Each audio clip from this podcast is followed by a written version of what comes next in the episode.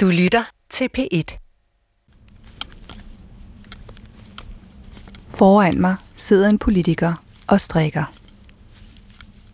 Hun er den mest magtfulde dansker lige nu, og den, der er nået højst på den internationale politiske rangstige. Jeg er ikke upåvirket af at have været magtudøver i mange år. Det vil være en, en grum illusion at tro det. Alle vil tæt på Margrethe Vestager. Det vil jeg også. Lige nu er hun det nærmeste, man kan komme på en international rockstjerne i europæisk politik. En dansker fra Vestjylland, og nu så mægtig, at selv Donald Trump har givet hende et øgenavn. The Tax Lady. The person at the European Union that is in charge of taxation hates the United States more than any person anywhere in the world. Som EU-kommissær forvalter hun en enorm magt, og hun står i spidsen for Europas kamp for mere kontrol med verdensomspændende tech-giganter som Google, Facebook og Apple. Well, uh, the Google behavior in, in this case stopped back 2016, but it, it had been going on for 10 years. Historien om hendes magt går længere tilbage end de flestes. Som 25-årig blev hun sit partis landsformand. Som 29-årig blev hun i sin tid den hidtil yngste kvindelige minister. Og senere blev hun set som den reelle magthaver i Helle thorning Schmidt regering. Derfor ved hun om nogen, hvordan det er at have og udøve magt. Jeg vil til bunds i, hvordan hun håndterer den magt, og hvorfor det lige er hende, Margrethe for Ølgod, der er nået så vidt. Du lytter til Margrethe af Europa, første afsnit. Mit navn er Paula Larein. Ja, præcis. Ej, den har jeg også strikket, den der. Har du det? Ja, det er fra Petit Knit. Ja, det er Petit Knit, ja. ja. Så pænt. Ja, lige, ja, men jeg skal faktisk skifte pind, så det er jo ikke sådan lige... Jeg var lige et, øh, et skifte modus her. Fucker den henne? Nå, det er jeg skal sætte dig i gang med at tale, mens jeg snakker med alt det her, så... Margrethe Vestager matcher ikke helt billedet af en magtperson. Hun går i hjemmesyede kjoler, og så strikker hun, også når hun er på arbejde. I de senere år er det blevet vigtigt for hende at flage de feminine dyder blandt alle magtens jakkesæt, og derfor foreslår jeg, at vi strikker os igennem en række samtaler, og den er hun med på. Magt er tabu, og jeg forestiller mig, at vi kan tale mere åbent om emnet, hvis vi skaber et andet rum end i et traditionelt interview. Altså man kan sige, at den korte historie, det er jo den meget enkle, at, at ledelse er noget, mænd gør, og mænd strikker ikke. Ja. Og derfor så strikker ledere ikke. Punktum. Det er derfor, folk de stusser over det, og synes, at det ikke er mærkeligt. Strikkefællesskabet bryder isen. Alligevel er jeg usikker på, hvordan jeg skal gribe hinanden. Min erfaring siger mig, at magt er svært at tale om, fordi det bliver så personligt, og jeg fortæller hende åbent om min tvivl. Om hvordan det gik, da jeg for mange år siden havde fået et solointerview med den amerikanske superdiplomat, manden bag freden i Bosnien, Richard Holbrooke. Det er, en lille, det er et eksperiment, det der med at sidde og interviewe, mens man strikker.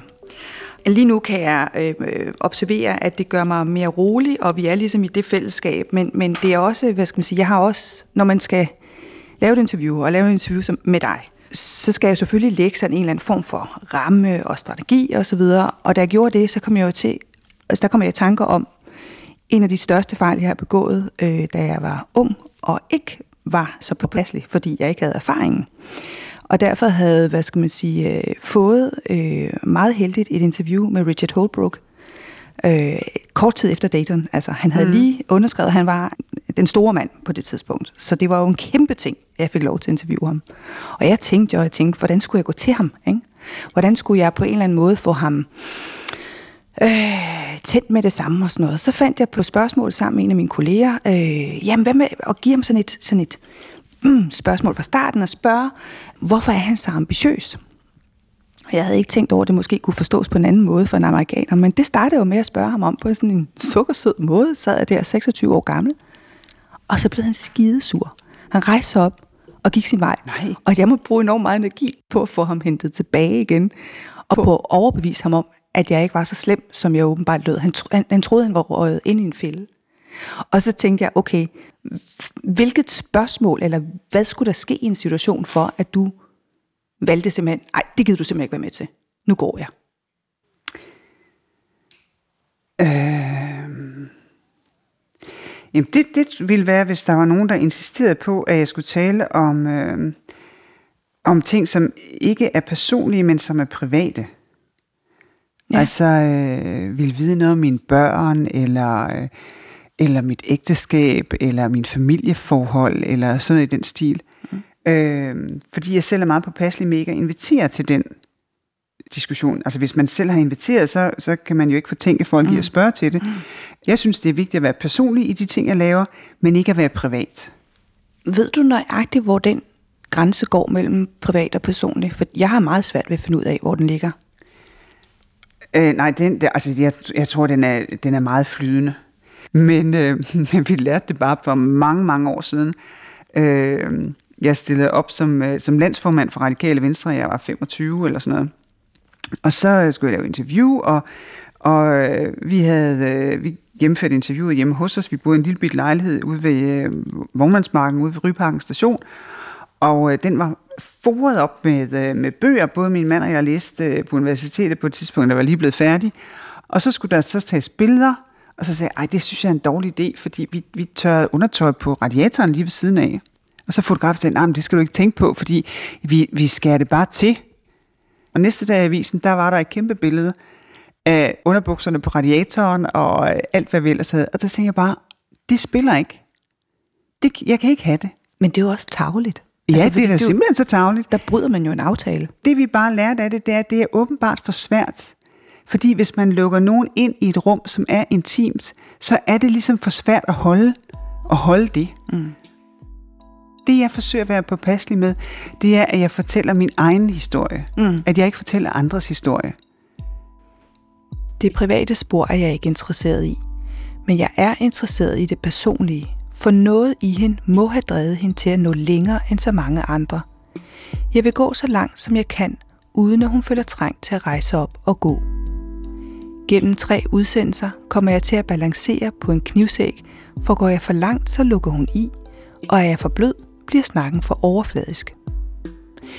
Jeg skal ind i magtkampene på Christiansborg og op i det berygtede sorte tårn, der gav hende tilnavnet Margrethe den 3. Men de første spor, der fører til magtens Margrethe, finder jeg langt tilbage i tid, i en grøftekant lige uden for Ølgod, en lille stationsby i den sydlige del af Vestjylland. Vi havde nogle meget, meget gode venner, hvor jeg virkelig kom meget, som boede øh, et stykke uden for byen. Og da jeg var lille, så øh, fik jeg tit lov til at gå derud.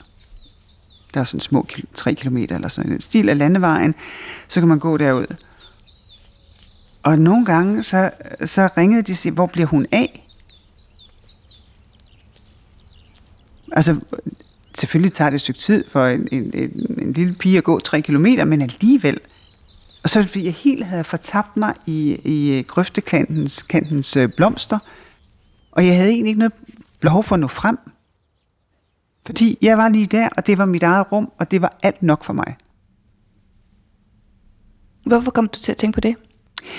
Jamen det der med at, øh, at, at have sit eget øh, rum og finde sit eget selskab og kunne være i det. Det er Hans Vestager. Jeg har ringet til Hans Vestager, Margrethes far, for at få en dybere forståelse af hendes baggrund. Vi bor jo i en landsby med tusind indbyggere, og de folk, de kunne tælle om, hvordan deres bedsteforældre, de havde opdyrket hede. Mm. Vi har nogle omgivelser, spejdere og venner, som går fuldstændig op i det, de foretager sig.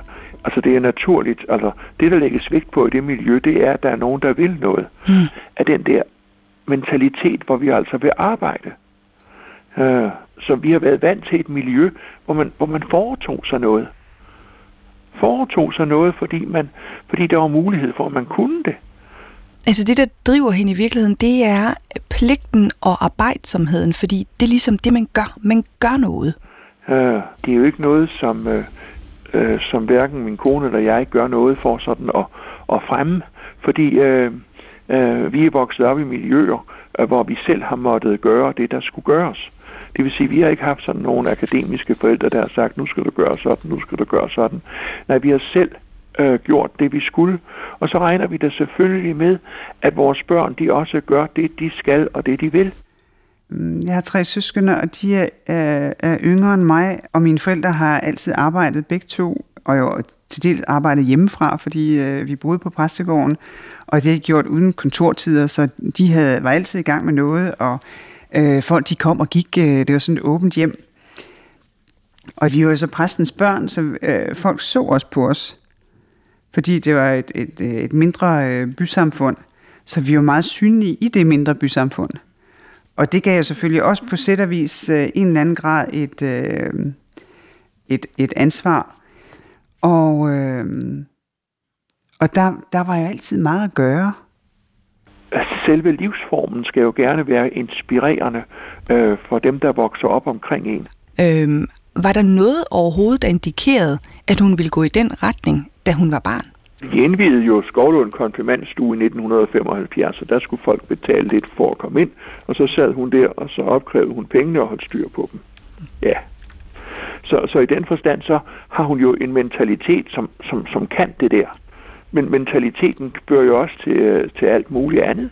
Jo. Mm. Den fører til kirkegang, og den fører til spejder og, og, og broderi og syning af tøj og alt det der. Fordi øh, til synligheden er det sådan, at at der er nogle folk, hvis der er muligheder, jamen så bruger de dem.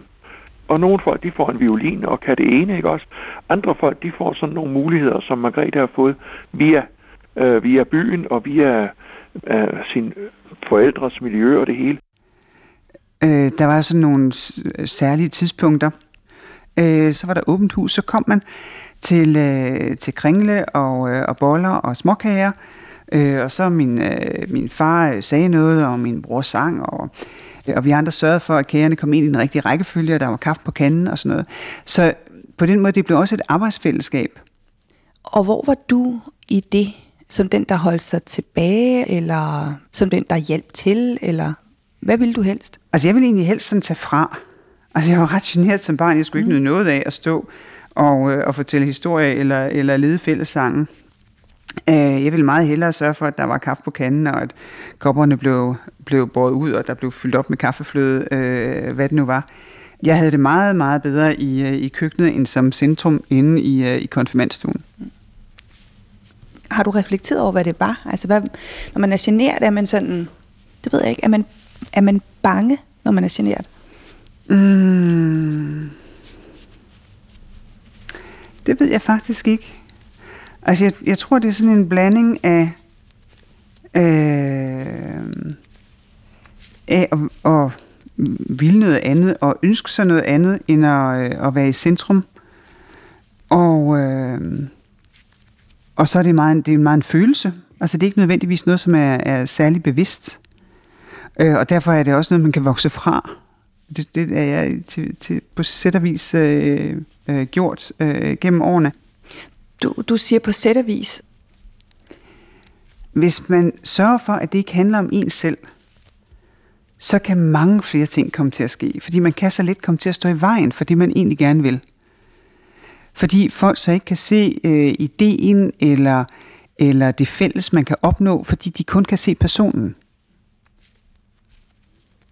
Og så kommer man ligesom til at skygge for det, man gerne vil, og det er altså super ærgerligt.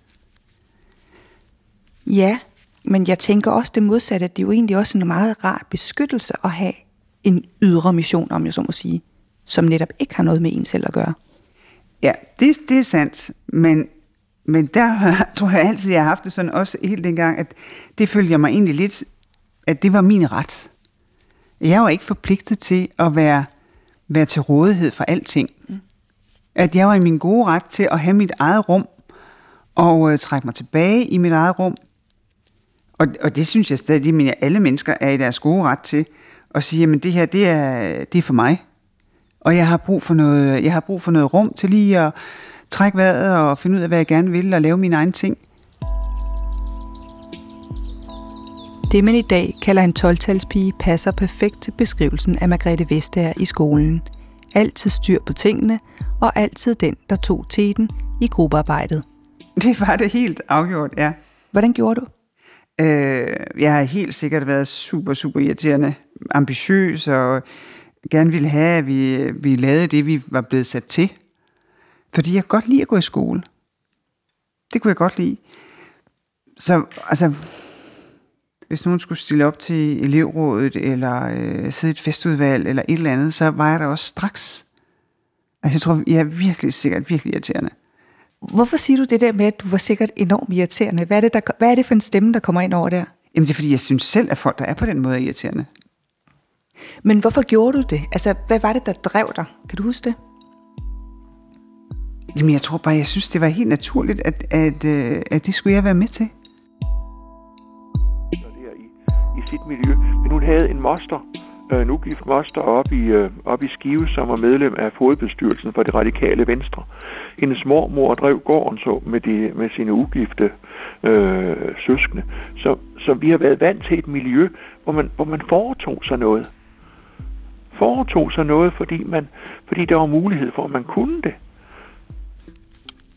Jeg spurgte din far, jeg talte med din far, så ja. lidt ved jeg jo ja. om din opvækst, og det er derfor, jeg måske spørger, som jeg gør. Øhm, og så gav han simpelthen det mest finurlige svar, som jeg synes, du skal prøve at høre. Jeg spurgte ham, om, om han var overrasket over, at du var blevet landsformand i en alder 25. Nej, er fordi øh, jeg er jo vokset op med, med spejderbevægelsen, og, øh, og i spejderbevægelsen, der er i hvert fald den oprindelige idé hos Baden Paul fra 1908, det er en hver gruppe, øh, der vil der altid være nogen, der vil være leder. Og det vil sige, at jeg har da været patruljeleder fra jeg var, øh, fra jeg var 15, og, og, og været på, på lederuddannelseskurser hos spejderne, da jeg var 16 og 17. Cyklede selv afsted på, med, på cykel 40 km for at komme på sådan et kursus i april måned, hvor vi lå i telt i snevejr, fordi der var sne det år.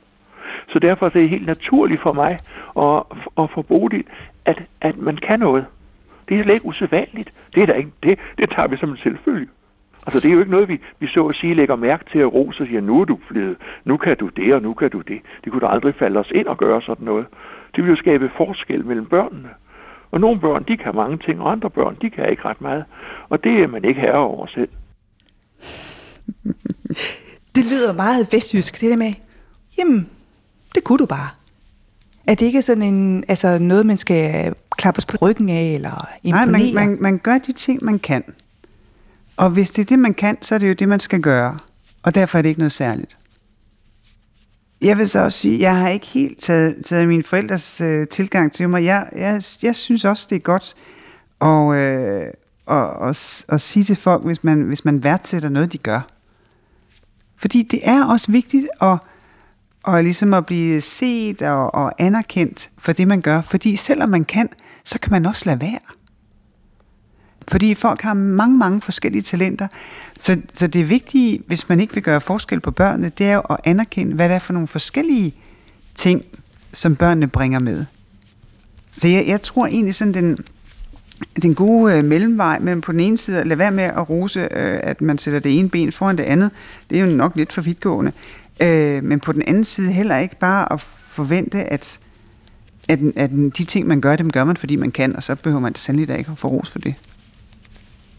Så anerkendelse, det er jo en drivkraft for rigtig mange af os, især i ungdomsårene. Var, var det en del af din drivkraft også dengang, at du ville op og vise, at du kunne også have tak for det, eller ros for det? Jeg ved ikke, om jeg ville have ros for det, men, men jeg ville virkelig gerne se tingene øh, forandre sig. Og, og jeg ville gerne øh, tage ansvar for, at det skete. Og det, jeg synes, det er... Hmm, et eller andet sted synes jeg, det, er, det er faktisk lidt svært det der med at få, få ros, fordi selvfølgelig er det rigtigt, at ting de skal ledes, men det er jo ikke fordi, der er en, der leder, at ting sker. Det er fordi, mange mennesker gør noget. Det er jo, det er jo den måde, ting forandres på. Øh, men det at blive, blive, øh, blive værdsat for at, at, øh, at gøre sin del af arbejdet, det er selvfølgelig også drivkraft for mig. Er det stadig det?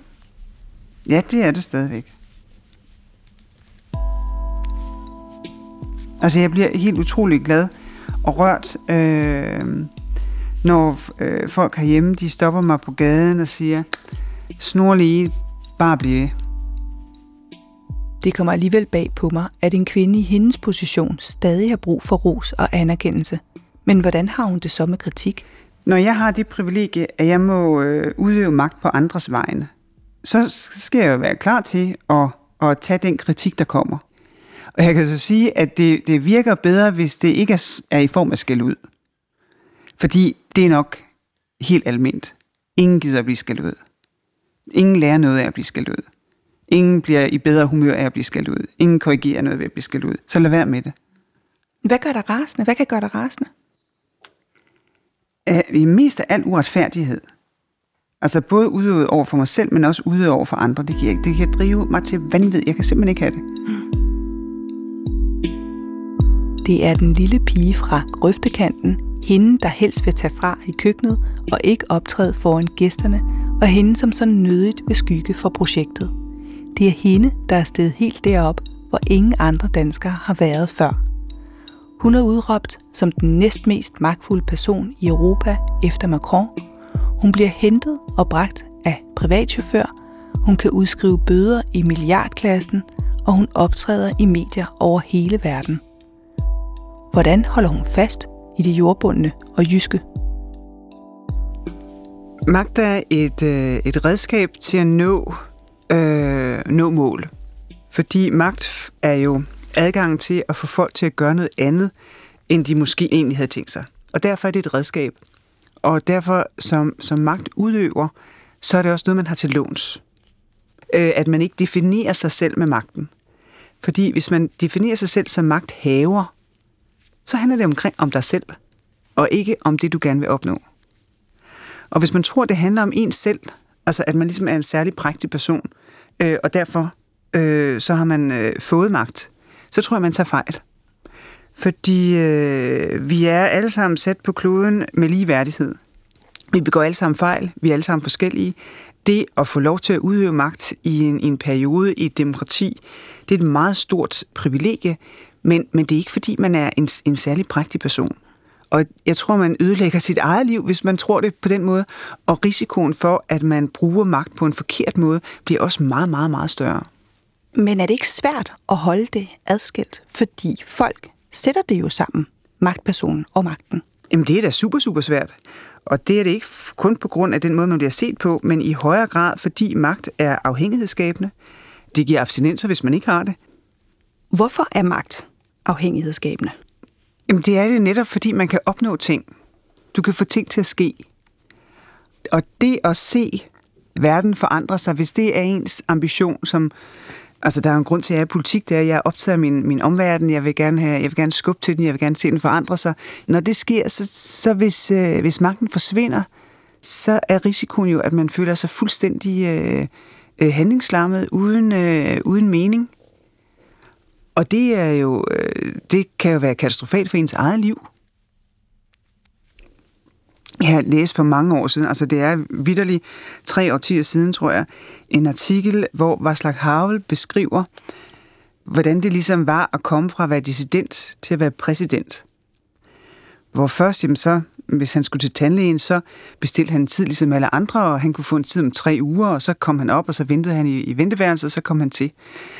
Og så fik han jo mere travlt, og han var også blevet præsident, og, og så tænkte jeg, jeg skal til tandlægen, I kan godt finde tid til mig i morgen. Og det næste var, at jeg tænkte, I kan jo godt åbne lidt før, for min skyld, så I kan komme til. Og den der bevidsthed om, hvordan grænserne så rykker sig for, hvad andre mennesker egentlig skal gøre for en, det synes jeg simpelthen var så slående. Det er nærmest en fysisk lov på linje med tyngdeloven, at magten korrumperer. Ja, det tror jeg. Og det gør den i os alle sammen. Altså, det gør den selvfølgelig også ved mig. Mm. Jeg er ikke øh, overhovedet upåvirket af at have været øh, magtudøver i, øh, i mange år. Det vil være en, en grum illusion at tro det. Men jeg håber stadigvæk, at man kan være mere bevidst om det, og derfor at det har mindre indflydelse på en, end det ellers ville have haft. Hvad gør du for at holde de ting adskilt? Jamen først og fremmest så lever jeg i, i meget udstrækning et meget almindeligt liv. Øh, der skal også købes ind for, at øh, køleskabet det er fyldt. Øh, selvom jeg jo har bil med chauffør og sådan noget, jamen, så når jeg har fri, jamen, så tager jeg min cykel, eller tager bussen, øh, tager metroen herhjemme. Jeg har et, øh, et rejsekort. Øh, altså, lever et liv, som, som i hvert fald på nogle områder, selvom jeg er altså, hyperprivilegeret, har en berøring med det liv, som de fleste lever. Øh, det er det ene. Og det andet, det er at, øh, at være meget klar over, at det selvfølgelig påvirker relationen med dem, jeg, jeg er, øh, er sammen med. Altså, jeg skal jo slet ikke have det samme, hvad skal man sige, aftryk, for folk de noterer sig, hvad jeg mener, altså blandt mine, mine, øh, mine medarbejdere og, øh, og dem, jeg i øvrigt samarbejder med. Jeg behøver aldrig en, en, en megafon, for at, at folk de hører, øh, hvad jeg siger, når, når jeg samarbejder med nogen. Og det gør, at jeg skal være meget bevidst om ikke at, ikke at trykke hårdt igennem, om man så må sige. Der sker vel også det, at når man får magt, så begynder folk at se anderledes på en. Hvordan oplever du det? Altså, jeg er både højere og sjovere. Altså, i bogstaveligste forstand, jeg tror, jeg er næsten vokset en centimeter om året. Eller du ved, der har været artikler, hvor, øh, hvor der står, det er ligesom, hvor høj jeg er, og øh, folk synes bare, at ens øh, halvdårlige vidtigheder, de er sjovere, end de ville være, hvis det var en anden, der slap gækken løs en lille bit smule. Så den der opmærksomhed omkring en, jeg tror, man skal være meget klar over, at det er magtens sideeffekter, det er ikke nødvendigvis en selv. Valgrunde er afgjort. Hans Skov Andersen fik 52 stemmer. Margrethe Vestager fik 192 stemmer. I næste afsnit af Margrethe af Europa vil jeg gå længere ind i Margrethes magt. Vi skal tæt på konflikterne i hendes eget parti og i de skæbnesvangre forhandlinger i det sorte tårn. Min plan er at gå helt til kant, uden at tabe maskerne på strikkepindene. Har du sådan en idé om, hvor store de radikale bør være, efter din mening? Større i hvert fald.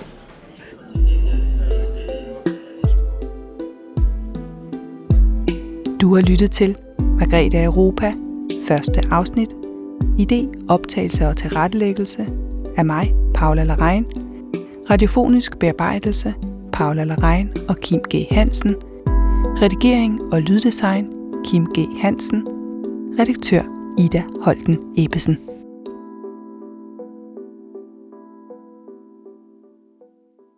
Du kan høre flere P1-podcasts i DR's radio-app.